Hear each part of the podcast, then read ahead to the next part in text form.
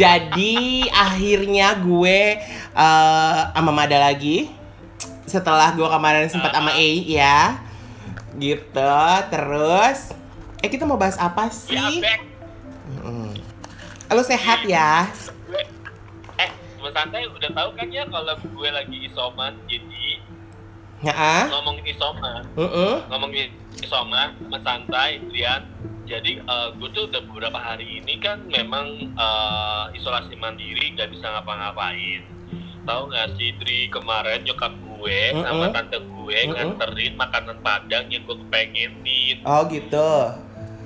itu kayak aduh gue nggak bisa salim sama nyokap gue. Gue nggak bisa peluk nyokap gue.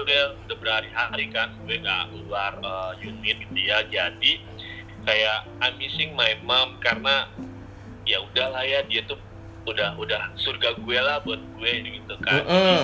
sedih aja gue nggak bisa ngapa-ngapain dari Heeh. itu apalagi kalau hari ibu ya kan. Hari ibu kan sebenarnya sih setiap hari gue hari ibu ya uh, selalu telepon nyokap gue tapi Heeh. Uh, itu kan momen seluruh Indonesia merayakan dan gue tuh sedih aja gitu gak bisa meluk nyokap gue dan bilang I love you mom gitu Ah, ah, ah, ah.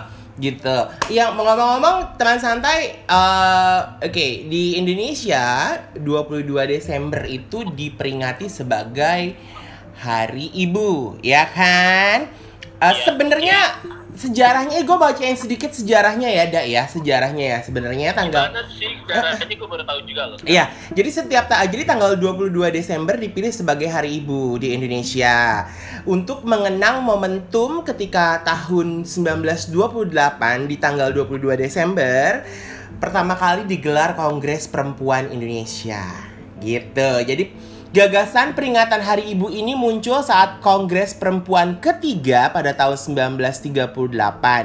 Tujuan peringatannya adalah memperjuangkan kemerdekaan dan memperbaiki keadaan perempuan Indonesia. Ini beda kasusnya teman santai dengan Hari Kartini. Hari Kartini itu diperingati sebagai ya Hari Kartini si eh, Raden Ya. Ajeng Kartini. Jadi sebagai salah satu tokoh Indonesia, salah satu tokoh perempuan Indonesia yang eh, mengangkat derajat dan juga menga- ya, istilahnya menggaungkan emansipasi perempuan Indonesia. Kalau Hari Kartini seperti itu ya. Eh, tapi kalau Hari Ibu ini sebenarnya diperingatan sebagai eh, ha- hari apa ya? Hari kongres, hari perjuangan seorang perempuan gitu. Ah, ah. jadi kalau dibilang ah ini orang Indonesia kan ada ada beberapa kayak temen gue bilang ih salah kaprah deh. Tanggal 22 Desember itu kan bukan hari ibu sebenarnya itu adalah empower empower women days gitu. Tapi kalau menurut gue ya ya udahlah ya. Sudah tercetus seperti itu. Jadi ya mau ngomong apa lagi gitu ya kan iyalah itu udah udah kayak dari darah daging kita ya gue tahu tanggal 2022 adalah hari ibu Embur. gitu dari kecil ya Bo Embur Dri, lu kangen apa sih dari dari suatu kebiasaan tuh waktu sama nyokap? jadi gini teman santai deh. Ah, ah, ah, ah. Jadi kan teman santai mungkin ada beberapa teman santai yang udah tahu gue tuh kan udah nggak punya nyokap ya nyokap gue udah meninggal tahun 2003. Jadi kalau yang gue ingat dari nyokap gue itu adalah jadi ketika gue tinggal di rumah nih sama berdua sama kakak gue, nyokap gue itu dulu tuh ya nggak tahu gimana pokoknya gue tuh selalu kalau di rumah lo harus mengerjakan pekerjaan domestik seperti kayak ngepel, nyapu, Hmm. gitu kan Iya. nyuci piring, nyuci baju, bersih-bersih rumah gitu kan. Itu hal-hal yang sebenarnya harusnya diajarkan yang katanya harusnya diajarkan kepada anak perempuan. Tapi nyokap gue tuh nggak selalu bilang begini, kamu nggak bisa nggak bisa untuk tidak mengerjakan pekerjaan rumah karena someday suatu hari nanti ketika kamu tinggal di luar negeri, suatu hari nanti kamu tidak ada ibu kamu, siapa yang akan mengerjakan pekerjaan rumah kalau nggak bukan diri kamu sendiri gitu. Jadi akhirnya tuh gue terbiasa untuk kayak nyapu, ngepel, nyuci, nyetrika. Akhirnya juga ending-endingnya ya masak gitu. Kalau mungkin teman santai yang uh, nge- nge-follow gue Instagram gue ya gitu. Cuman pasti kan kalian tahu beberapa postingan Instastory gue sempat masak apa segala macem. Jadi itu yang selalu gue ingat di nyokap dari nyokap gue adalah dia tuh selalu ngajarin hal-hal pekerjaan-pekerjaan rumah tangga yang harusnya memang mungkin dia nggak punya anak perempuan anak laki semua ya mau dia mau nggak mau anaknya laki-laki lah yang diajarin seperti itu dan itu tuh sampai sekarang tuh masih teringat sama gue gitu jadi kalau bisa dibilang eh, kenangan-kenangan sama nyokap yang mungkin kenangan-kenangan terakhirnya adalah ketika nyokap gue sakit. Itu gue masih sempat istilahnya kayak gue ngebalas budi eh, nyokap gue gitu. Dengan ketika dia sakit stroke gue ngerawat dia gitu kan. Gue sempat eh, bantuin dia mandi dia mau apa-apa apa bersih-bersih gue bantuin gue. Itu anything eh gue kerjain ketika nyokap gue tuh sakit dan nggak Ya. boleh mengerjakan pekerjaan rumah tangga yang berat gitu jadi eh, akhirnya Ya, gue ya. terbiasa gitu kalau sendiri apa sih kalau kalau gue tuh eh, nyokap gue tuh memang dari dulu tuh ngajarin gue sih segala sesuatu hal yang diajarin ke gue itu ternyata kepake Bri Ya. Nah, jadi gini eh, ada salah satu adalah eh, ya kalau di eh, apa ya di keluarga gue itu semuanya dilakukan sendiri lah ya. Lo mau mau baju lo rapi lo nyetrika Heeh. lu mau apa eh, rumah lu bagus ya lu ngepel misalnya gitu karena apa one day kalau misal kamu punya rumah kamu tahu nih mau ngapain dan harus apa gitu ya Heeh. dan kamu gak usah harus malu untuk mem- mempekerjakan itu gitu kan karena itu Uh-uh. tanggung jawab kamu sendiri dan ternyata di umur 18 tahun itu gue udah ngekos kan ya Heeh. jadi semuanya itu kerjaan tuh gue kerja sendiri jadi ternyata memang ini bekal yang diberikan sama orang tua kita sama Uh-uh. orang tua gua dan yang kepake sampai kapan begitu juga dan itu melatih bersikap untuk tanggung jawab dan kemandirian kita sebagai pria dan itu nggak ada nggak ada salahnya sih kalau misalnya lo ngepel, lo nyetrika, lo bebenah rumah ya lo berarti bisa melakukan itu di mana pun juga gitu dan lo respect sama lingkungan Iya. Kalau memang harus melihat lingkungan itu harus bersih ya lo harus jaga sama-sama Mm-mm. kayak gitu sih. dan itu ternyata masuk tuh dan benak gue di teman santai dan itu sampai sekarang bekalnya masih terpakai dan yang membuat gue kangen adalah masakan Ya. masakan nyokap sih sebenarnya kayaknya semua anak di seluruh dunia ini pasti akan mengaku dan bilang "Nyok- masakan nyokap gue masakan yang paling enak ya kan Iya. kalau gue nyokap gue tuh selalu ngejajalin gue tempe sih Mm-mm. teman santai Heeh. jadi gue kalau makan sampai sekarang kalau nggak ada tempe itu kayak nggak makan Oke. jadi kayak mau masak tempe orek mau tempe balok mau tempe tepung apa pun itu gue selalu pasti nyari tempe dan Uh-uh. sampai pada akhirnya Uh. gue kayak kerajinan tempe dan gue sekarang bisa masak tempe dengan berbagai macam jenis Ah, ah. olahan Ah ah ah itu ah Dri. ah kayak ah gitu thank you Mam. itu udah ah, ngajarin gue sampai sekarang dan ya alhamdulillah semuanya kepake sih ilmunya Oh gitu. Jadi terus terus terus terus, jadi jadi gini, gue tuh gue juga nemu artikel ya gitu kan. oke Eh, eh, jadi ternyata ternyata teman santai ya eh hari ibu dan Mother's Day itu ternyata berbeda. Ya. Gitu. Jadi kalau tanggal 22 Desember di Indonesia kan selalu diperingati sebagai Hari Ibu, ya kan?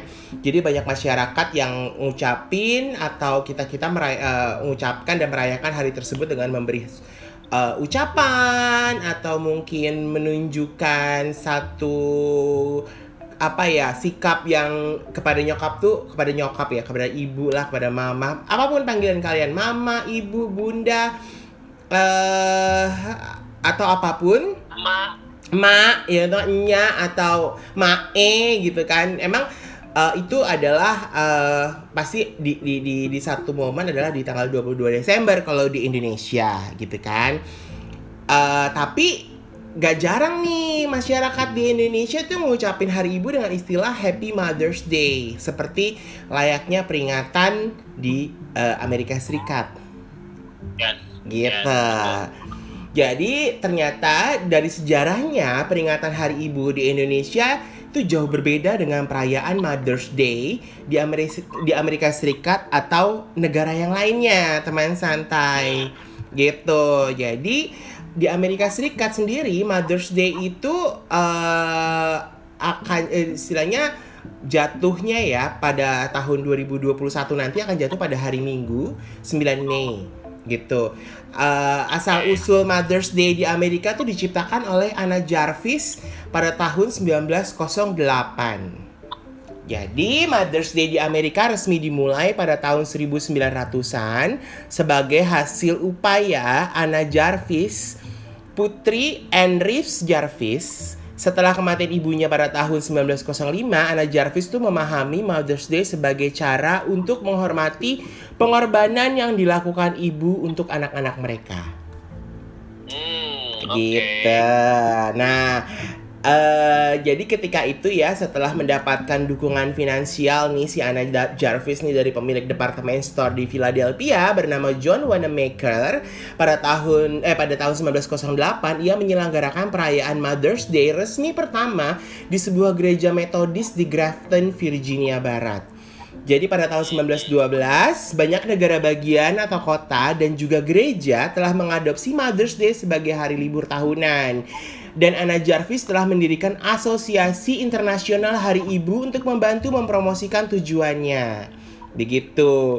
Jadinya kegigihannya itu terbayar pada tahun 1914 ketika Presiden Woodrow Wilson menandatangani undang-undang yang secara resmi menetapkan hari Minggu kedua bulan Mei sebagai Mother's Day. Jadi sebenarnya hari Mother's Day itu di Amerika Serikat nggak tanggalnya nggak pernah nentu. Tapi yang jelas adalah di hari Minggu kedua di bulan Mei itu selalu gitu.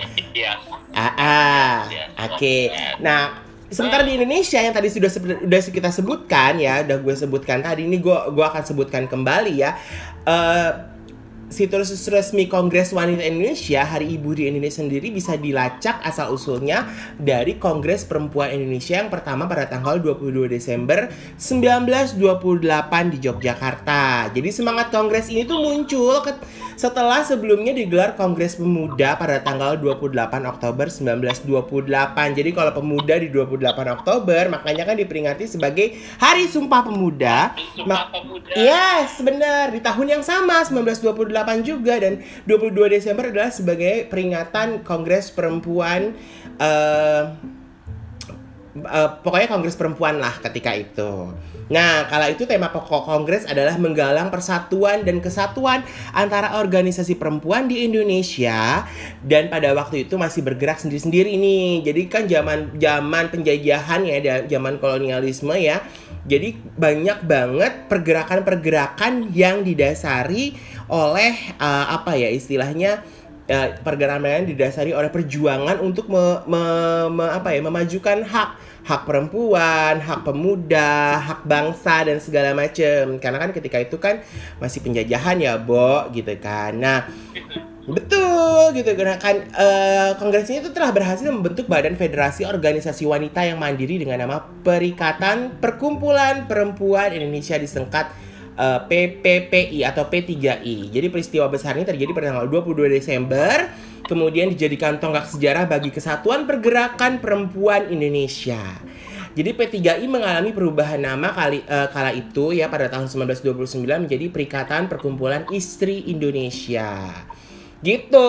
Sementara Kongres PP PP2 pada tahun 1930 di Surabaya memutuskan Kongres berasaskan kebangsaan Indonesia, menjunjung kewanitaan, meneguhkan imannya. Karena itu tujuan pergerakan perempuan Indonesia.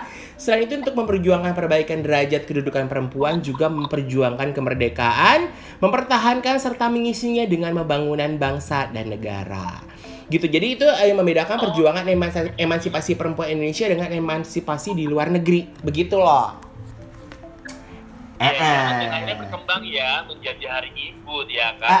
Kondisinya perempuan semua. Jadi sebenarnya perempuan itu adalah gini ibu dalam artian 22 Desember ibu ini adalah pengertiannya adalah perempuan jadi ibu ini kan secara general ya. adalah perempuan nah ketika kita bicara mengenai eh, ibu dalam bahasa Indonesia kan pasti ibu adalah sosok orang tua berjenis kelamin perempuan yang melahirkan. Ya kan? Kurang lebih seperti itulah teman santai. Gitu. Siapa yang melahirkan ya?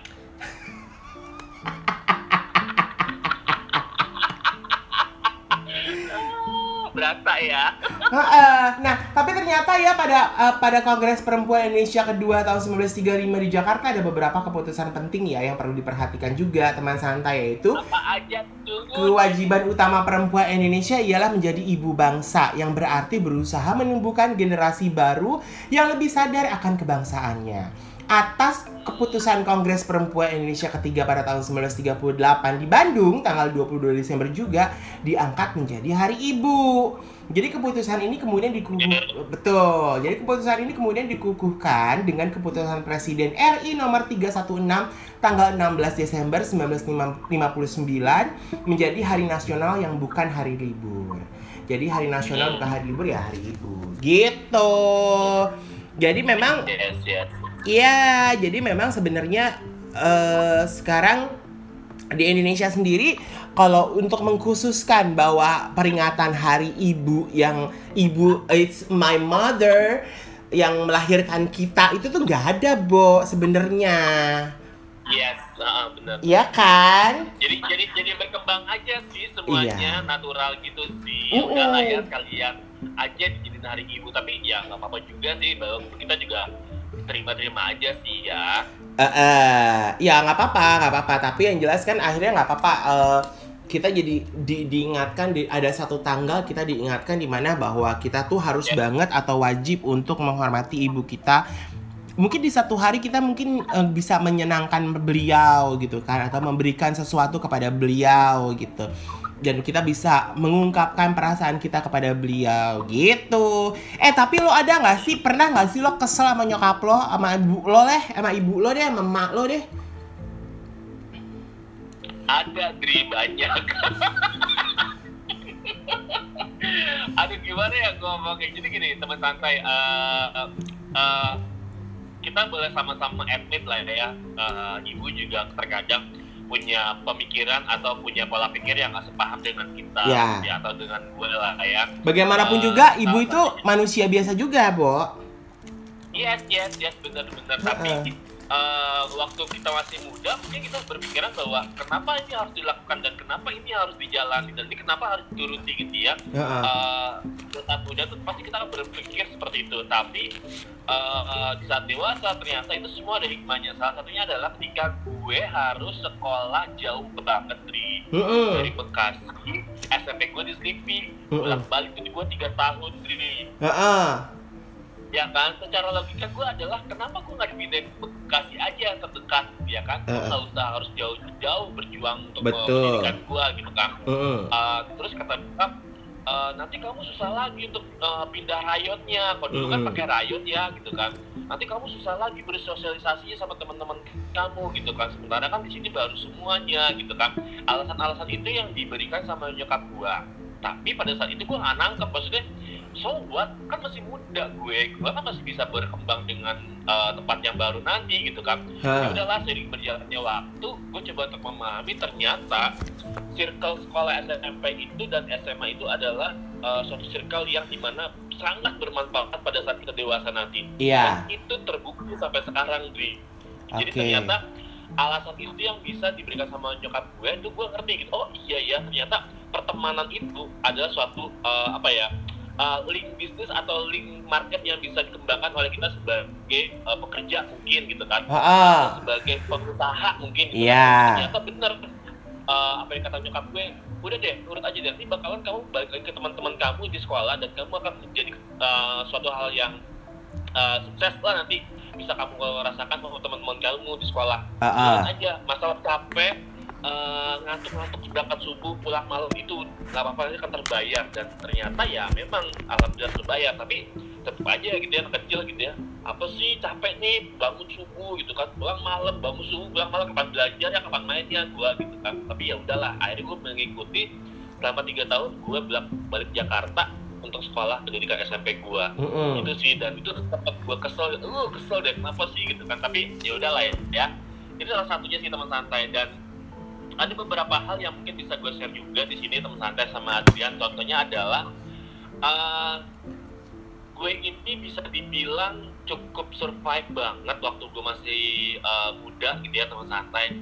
Eh, dari lulus SMA aja gue udah keluar rumah nih teman santai dan uh, semua ajaran nyokap gue di rumah itu menjadi uh, apa ya uh, fondasi gue untuk bisa bertahan menghadapi kerasnya kehidupan di Jakarta dalam bekerja ya kan Iya. uh, waktu gue pertama kali ngekos nih tanya gue inget banget pertama Uh-uh. kali gue ngekos gue ada di uh, Agung Podomoro Sunter pada saat itu gitu Mm-mm. ya Uh, pada saat itu udahlah ya gue tuh nggak bisa masak gue cuma bisa makannya mie doang gitu kan. Terus gue telepon nyokap gue nih gitu kan. Uh, bu uh, bisa ini nggak? Bisa ke sini nggak? Gitu kan. Uh, bantuin Mada kenapa? Gitu kan. Uh, uh, pokoknya ke sini aja deh gitu kan. Nah akhirnya kok gue kan nungguin nyokap gue ber, berjam-jam gitu ya Tri. Mm-mm. tau nggak sih ternyata nyokap gue nggak dateng karena uh, alasannya ada urusan sama saudara lah gitu kan. Pada saat itu tuh udah pakai handphone ya pada saat itu gitu Mm-mm. kan. Tuh tinggal telepon pada uh, SMS lah gitu. Bu jadi nggak? gitu kan. Maaf nggak jadi. Ada urusan nih ibunya gitu kan. Itu setelah gue berjam-jam nunggu uh, kabar dari nyokap gue. Takutnya nyokap gue kenapa-napa gitu Iya. kan khawatir. Terus ternyata uh, itu tidak dilakukan. Gue kesel tuh. Itu hal simpel sih sebenarnya kenapa sih lu nggak bisa uh, telepon Mada gitu? Kenapa sih ibu nggak nggak ngomong gitu kan? Nungguin berjam-jam tuh kan gak enak banget. Nah akhirnya di situlah gue mulai respect untuk menghargai waktu Dri Mm-mm. gitu ya di situlah gue belajar untuk bisa menghargai waktu. Kalau gue janjian sama orang gue harus bener-bener menepati karena menunggu itu gak enak. Yes. jadi sebenarnya gue belajar dari segala macam uh, arah yang dibela- yang dilakukan sama nyokap baik maupun secara baik ataupun kurang baik menurut gue. Jadi buat gue atau teman santai di luar sana mungkin uh, untuk soal janji soal waktu itu mungkin coba lagi ditingkatkan karena apa pun itu juga itu uh, adalah hal yang sangat uh, diprioritaskan akhirnya gue ngomong sama nyokap gue boleh gak ibu lain kali nelfon atau ngasih kabar? Mohon maaf ya karena saya menunggu ibu. Gue bilang gitu kan Terus gue gampang emang dasar Betawi ya nyokap gue emang Jakarta gitu kan ya apa apa. Ya elah segitu aja pakai ngambek gitu gitu kan. Terus dapat tiba nggak gitu sih konsepnya gue bilang gitu kan. Ya udahlah akhirnya dari situ gue nggak mau berargumen bahwa setiap orang itu punya individu pemikirannya beda-beda tapi gue akan uh, melakukan hal yang baik untuk bisa menghargai waktu nah dari situ aku banyak belajar hal yang simpel seperti itu dari nyokap gue sendiri Oke. itu teman santai Iya iya iya iya. kalau gimana Kalau gue sih sebenarnya dulu kesel, sebenarnya bukan kesel. Gue mungkin dalam dalam kehidupan gue eh, selama gue nyokap gue masih ada ya, gue tuh pernah agak sedih ketika mau menjelang kuliah. Ketika itu kan pas mau kuliah kan bokap gue udah gak meninggal dong. Dan baru nyokap gue kan, tapi kan eh, bedanya 4 tahun per- eh, meninggalnya bokap ke nyokap gue. Jadi nyokap gue ketika itu pas gue mau masuk kuliah tuh nyokap tuh ngomong gini ke orang-orang gitu ke mana, ih kakak-kakaknya dikuliahin maksud adanya enggak? Gitu. Kesannya tuh kayak kok eh, mah kalau lu eh, kalau eh, mama nggak bisa nguliahin gue nguliahin aku udah nggak usah kuliah gitu gue tuh berpikirnya gitu aja udah biarkan aku kerja aja nyari duit. Tapi nyokap gue tuh memaksa gue untuk udah kalau kuliah gitu. Akhirnya kuliah lah gue di kan di IKJ gitu kan. Tapi nyokap gue tuh juga gue tuh kan mikir yaudah deh aku pengen ngambil komunikasi atau psikologi ketika itu. Tapi nyokap gue tuh maunya nggak nggak kamu harus masuk desain. Kamu harus masuk desain karena kamu ada bakat di situ dan kamu menyukai itu kenapa nyokap berpikir seperti itu? Karena nyokap beri nanti kamu nyari kerja susah. Ketika kamu nyari kerja susah kamu punya skill. Eh, kalau kamu ngambil desain, kamu punya skill yang bisa kamu pe- pergunakan untuk kamu buka usaha sendiri gitu. Jadi kamu nggak harus nyari kerja, kamu bisa buka membangun usaha sendiri. Untungnya ya udah pemikiran nyokap gue udah visioner gitu gitu. Jadi eh, gue juga ya udah deh masuk IKJ deh gitu. Walaupun akhirnya gue dan nyokap gue berjuang untuk ya gue supaya struggle kuliah gitu. Walaupun akhirnya gue berhenti juga karena nggak ada biaya dan nyokap keburu meninggal ketika itu gitu. Tapi yang paling yang paling gue pernah berantem sama nyokap sampai nangis itu adalah ketika nyokap gue sakit tiba-tiba kan dulu nyokap gue kena stroke ya. Terus udah pulang nih ke rumah gitu kan tiba-tiba mesin cuci bunyi bu. Gue kaget bangun pagi-pagi. Biasa nyuci. Gue panik kan. Kenapa mama nyuci? Gue gitu kan. Gue marah besar ketika itu. Mama tuh gak usah nyuci. Ngapain? Mama udah dibilangin gak usah nyuci gitu. Terus dia tuh duduk diem gitu kan. Terus dia tuh mama tuh kan gak bisa ngeliat cuciannya banyak. Gini gini gini gini gini gini. Tahu nggak mama? Gue tuh sampai akhirnya gue ngomong gue bener-bener ngomong sampai nangis gitu kan. Mama tahu nggak?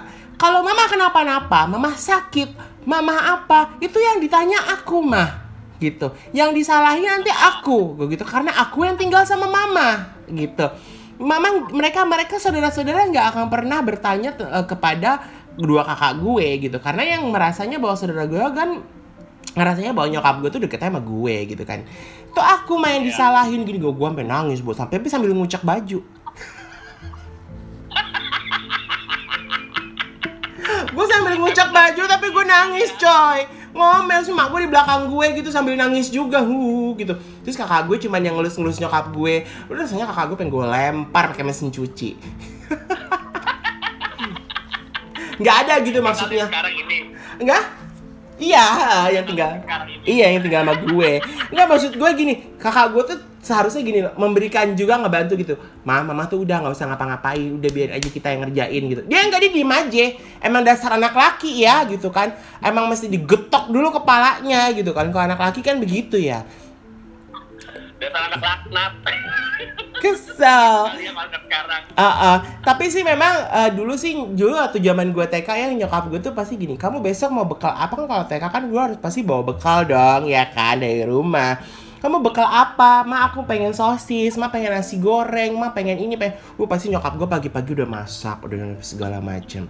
Sekarang nih, ya sekarang nih dak, gue tuh ngerasain gimana eh, gini, eh, gue tuh ngerasain bagaimana eh, seorang ibu atau mungkin seorang istri eh, itu mem, mem- apa ya me- mengurus pekerjaan rumah gitu. Itu gue rasakan sekarang. Jadi kakak gue ya ngerasanya itu gue tuh kayak udah kayak gue tuh istrinya dia. Kesel gak sih lo? Jadi pernah kapan itu? pernah kapan itu ya? Dia tuh bangunin gue pagi-pagi. Dri, Dri, gitu-gitu. Kenapa? Gue mau bawa bekal. Itu tong, tolong diangetin. Jadi gue bangun ngantuk-ngantuk ngangetin makanan. Terus gue masukin ke Oh, dalam sultan ya Iya. Gue pagi-pagi gue ngantuk-ngantuk, mata gue masih beler, gue nyalain kompor, eh, ma- apa em, ngambil wajan, terus gue masak, eh, manasin makanan. Terus gue ngambil kotak makan gitu, kotak makan gue masukin ke kotak makan. Udah, ini, ini masih panas nanti nutupnya kalau pas mau berangkat. Udah selesai itu gue tidur lagi. Terus pas welcome welcome welcome Pas pulang, gue tanya, kotak makannya mana? Ketinggalan di kantor. Kesel nggak? itu kesel banget. Bilang, itu kotak makan jangan ditinggal di kantor, dibawa pulang. Gue tuh udah gitu. Maksud gue, lu jangan, lu nggak beli, tapi setidaknya apa yang ada di rumah jangan lo hilang-hilangin gitu. Ya udah kan gue kan seharian pasti kan gue masak, gue nyapu, gue ngepel, nyuci piring, terus udah beres-beres. Itu tuh baru kelar-kelar tuh siang. Siang tuh rasanya pengen makan aja udah gak nafsu, Bob. Itu gue langsung berpikir bahwa oh ini ya berarti pekerjaan domestik yang selalu dianggap remeh oleh para laki-laki ya yang berpikir toxic masculinity itu ya bahwa eh, ini ternyata pekerjaan yang melelahkan setiap hari sampai gue hari ini tuh yang aduh gue mager mau masak apa tapi tetap akhirnya gue masak juga walaupun gue cuman masak sarden ya gue tumis pakai bawang bombay cabai hijau dan juga pakai sosis gue tambahin. Ya udah yang penting gue masak. Emang goreng emping deh. Tetap nggak bisa. Aduh. Tapi emang begitu kali ya yang namanya apa ya eh, pria kayak gue lah gitu ya teman santai ya ah, ah, ah. kayak gue bangun Hmm. kayak gue bangun. Oh.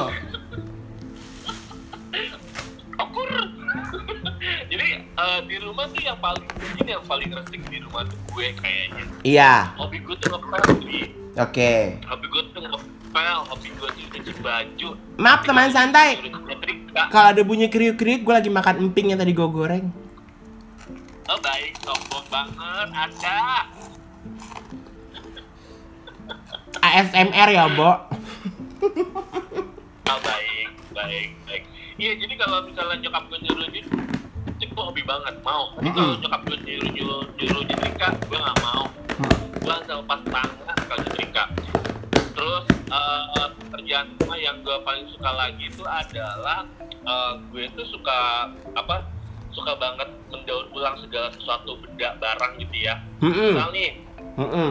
uh, ada beli bekas kardus lah gitu ya. Kardusnya tuh gue gua simpen gue tumpuk-tumpuk terus gue jual ke abu gosok. Kan zaman dulu begitu ya. Mm-mm. gitu Uh, botol-botol tukar sama gosok gitu Ah, ya ah. dulu ya Ha-ah.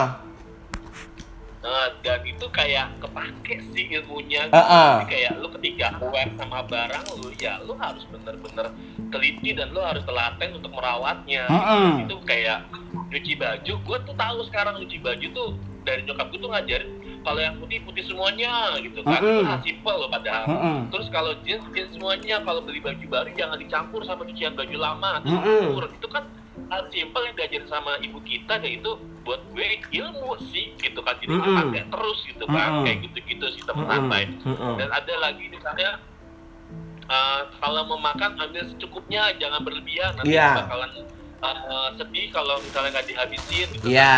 Dan itu kepake banget Dri sampai Iya. sekarang gue tuh kalau misalnya makan gue nggak habis gue tuh sedih gitu Iya. sos ilmu sosial gue tuh kepanggil gitu ya lo harus habisin kalau nggak ada orang di sana di luar sana yang tuh belum bisa makan dan pasti ngeliatnya Betul. Gua nangis loh kalau buang makanan. kayak- Mm-mm, jadi kayak semuanya tuh 360 tuh 360 derajat dari attitude nyokap gue tuh kepake Iya. itu hal yang simple hal yang kecil kalau gue Iya, iya benar-benar. Jadi teman santai ya, hmm, sebenarnya eh, kita sih beruntung ya di ada ada peringatan hari eh, tanggal 22 Desember ini ya. Jadi mengingatkan kita bahwa ada seorang perempuan dalam hidup kita, baik kalian anak perempuan atau anak laki-laki, bahwa ada seorang perempuan di balik hidup kita yang melahirkan kita, mengandung kita, bahwa mereka tuh sebenarnya 22 Desember ini nih hari ibu tuh bukan hanya sekedar sebagai peringatan hari emak, hari ibu, hari nyak, hari mothers gitu enggak, tapi juga sebagai peringatan bahwa seorang ibu adalah orang yang juga berjuang untuk keluarganya, untuk masa depan juga karena kan mereka melahirkan generasi-generasi yang berikutnya gitu. Walaupun ada ibu-ibu atau ada perempuan-perempuan yang tidak bisa melahirkan seorang anak, tapi setidaknya mereka adalah kalau eh, ketika mereka pasti setiap perempuan punya naluri keibuan kok gitu. Sejahat-jahatnya perempuan pasti punya naluri keibuan itu gitu. Jadi teman santai bersyukurlah buat kalian yang masih punya ibunya masih hidup, yang ibunya masih sehat, dan yang ibunya masih bisa ngasih eh, ngirim makanan ketika pandemi seperti ini ya nggak? Kamu udah makan belum? Kamu masak eh, kamu nggak masak? Ada makanan nggak di kosan atau nggak ada makanan di rumah? Emak masih ngirimin makanan ya kan? Atau yang eh, misalkan kalian eh, teman santai yang ngekos Mamah masih ngirimin makanan itu kan. Bersyukurlah bahwa masih ada orang tua, masih ada ibu, masih ada ayah yang memikirkan kalian. Jadi ketika nasib kalian seperti gue, ketika nggak ada ibu, nggak ada bapak, nih udah udah udah nggak ada yang mikirin gue untuk gue udah makan apa belum, gue udah gue sehat nggak, gue sakit siapa yang ngurusin? Apa segala macem itu tuh rasanya baru tuh itu berasa banget gitu. Jadi ketika kalian dalam kondisi yang sangat-sangat terpuruk sekalipun coba ingat ibu kalian bahwa ternyata ada orang yang lebih strong dan lebih kuat lagi. Belajarlah dari itu dari ibu kalian gitu. Jadi karena ibu tuh pasti karena gini loh gue percaya ketika anak terlahir dengan sesuatu yang berbeda ya. Misalkan yang pertama kali menerima bahwa anak ini memiliki kekurangan adalah ibu. Ya kan? Yang pertama Ya, pasti ibu. betul, betul. Ya kan? Even gini, Ah. tahu deh, ah ternyata anak eh, anak laki-laki saya seorang gay atau homoseksualitas lah gitu, homoseksual gitu misalkan. Mungkin pertama ibunya sakit, aduh anak gue kok begini gitu, misalkan. Kan ini ini contoh ya teman santai. Tapi di dalam hati, dari lubuk hati yang paling dalam, pasti ibu itu akan sedih. Kenapa? Sedih bukan karena anaknya menjadi seorang gay atau homoseksual. atau anak perempuannya menjadi seorang lesbian bukan sedih bagaimana anaknya itu nanti menghadapi sikap masyarakat atau lingkungan terhadap apa yang diputuskan oleh anak tersebut biasanya ibu tuh mikirnya kayak gitu dan ini juga bukan gue ini gue nggak tahu ya ini menurut pendapat gue teman santai orang terakhir yang bisa menerima kekurangan kita adalah ayah kita. Bahkan Iya. teman-teman kita adalah orang yang setelah ibu kita untuk bisa nerima kita. Oh nih gue kayak begini gitu. Tapi ayah tuh biasanya yang terakhir. Karena biasanya yang gue nggak ngerti ya gimana gimana. Tapi biasanya tuh emang banyak banget kasus yang terjadi. Ya ini ini berdasarkan pengalaman yang udah pernah gue baca dan gue terima. Ayah itu biasanya orang terakhir yang eh, merestui atau menerima atau me- ya udah gitu. Tapi yang pertama kali pasti ibu. Bagaimanapun juga ibu tuh rasain sakit hatinya anak karena ini kan ngandung ya, Bo, mengandung anaknya 9 bulan 10 hari atau mungkin lebih atau bahkan apa yang terjadi pada anaknya. Dia harus selama 9 bulan itu kan dia ngalamin namanya mual apa segala macem everything yang dia ngerasa sakit gitu. Tapi kalau anaknya disakitin itu tuh pasti rasanya sakit. Jadi gua agak bingung ketika seorang ibu membuang anaknya gitu. Ya mungkin gue nggak tahu ya apakah ada satu kesalahan dalam hidupnya perempuan itu hingga akhirnya dia tega untuk membuang anaknya, membunuh anaknya atau apa pun gitu. Tapi eh, setidaknya kita ambil sisi positifnya adalah biasanya seorang ibu itu akan eh, bisa sangat bisa menerima eh, apa yang menjadi kekurangan dari anaknya untuk pertama kalinya. Kalau menurut gue begitu teman santai. Iya betul betul betul gue uh, paham tuh sama sama sama Adrian. Jadi apa pun itu teman santai, please uh, hasil pembelajaran dari orang tua kita itu akan menjadi ilmu di masa tua dan Mm. kalian atau teman santai yang pada saat ini sudah jadi ibu uh, berikanlah uh, pelajaran itu untuk uh, kebaikan anakmu jangan pernah ragu apakah dia bisa menerimanya apa tidak tapi tetap aja terus berjuang untuk memberikan dengan ikhlas pembelajaran tentang hidup yang baik seperti apa Mm-mm. gitu ya Nah, kecuali ibu lo kayak eh, ibu-ibu di sinetron atau di FTV Daya Eta. Itu udah lain cerita sayang. Aduh maaf sayang gue nggak pernah nonton TV lokal lagi Eh, sayang. pokoknya kayak Tapi begitu-gitu punya deh. sayang Pokoknya kayak begitu-gitu deh. ya udah deh. apa sih sayang gue nggak ngerti Ya udah teman santai. Pokoknya eh 22 Desember kita peringati sebagai Hari Ibu. Apa pun eh, maksud dari 22 Desember itu, yang penting adalah ki- ada satu hari kita teringat bahwa ada perjuangan seorang perempuan dalam hidup kita, melahirkan kita, mengandung kita, atau mungkin ada orang, ada perempuan yang juga berjuang untuk membesarkan, mendidik kita dan juga merawat kita dengan baik. Bukan hanya sekedar ibu atau mungkin itu ibu angkat kalian atau mungkin ibu asuh kalian, tapi yang jelas itu ada perempuan di balik hidup kita yang memperjuangkan hidup kita, mengajarkan kita, bahkan juga memberikan makna kehidupan supaya ke depannya nanti kita sebagai anak juga mengerti bahwa nantinya kita juga memiliki anak atau mungkin kita punya anak angkat atau kita mendidik orang lain, kita teringat dengan uh, kebaikan dan perjuangan seorang perempuan yaitu ibu. Gitu. yes yes yes yes yes, yes. Mm-mm. ayo teman santai udah pada ngomong belum sama mamanya I love you yang belum ngomong deh Ha-ah. Tapi nggak apa-apa, ini kan sudah mau di penghujung, penghujung tahun. Kalian mungkin nggak harus tanggal 22 Desember.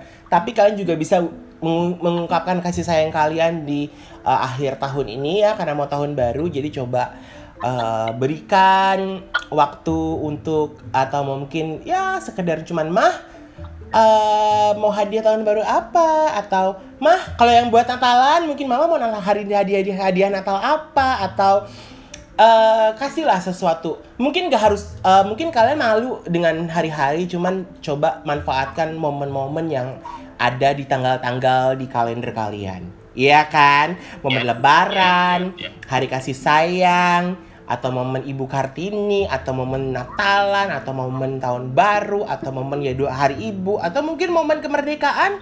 Mungkin dengan kita bisa merasakan kemerdekaan Indonesia kita juga bisa merasakan eh, kebesaran seorang ibu di balik perjuangan kemerdekaan Indonesia. Ya nggak sih? Uh, hari ibu I love you.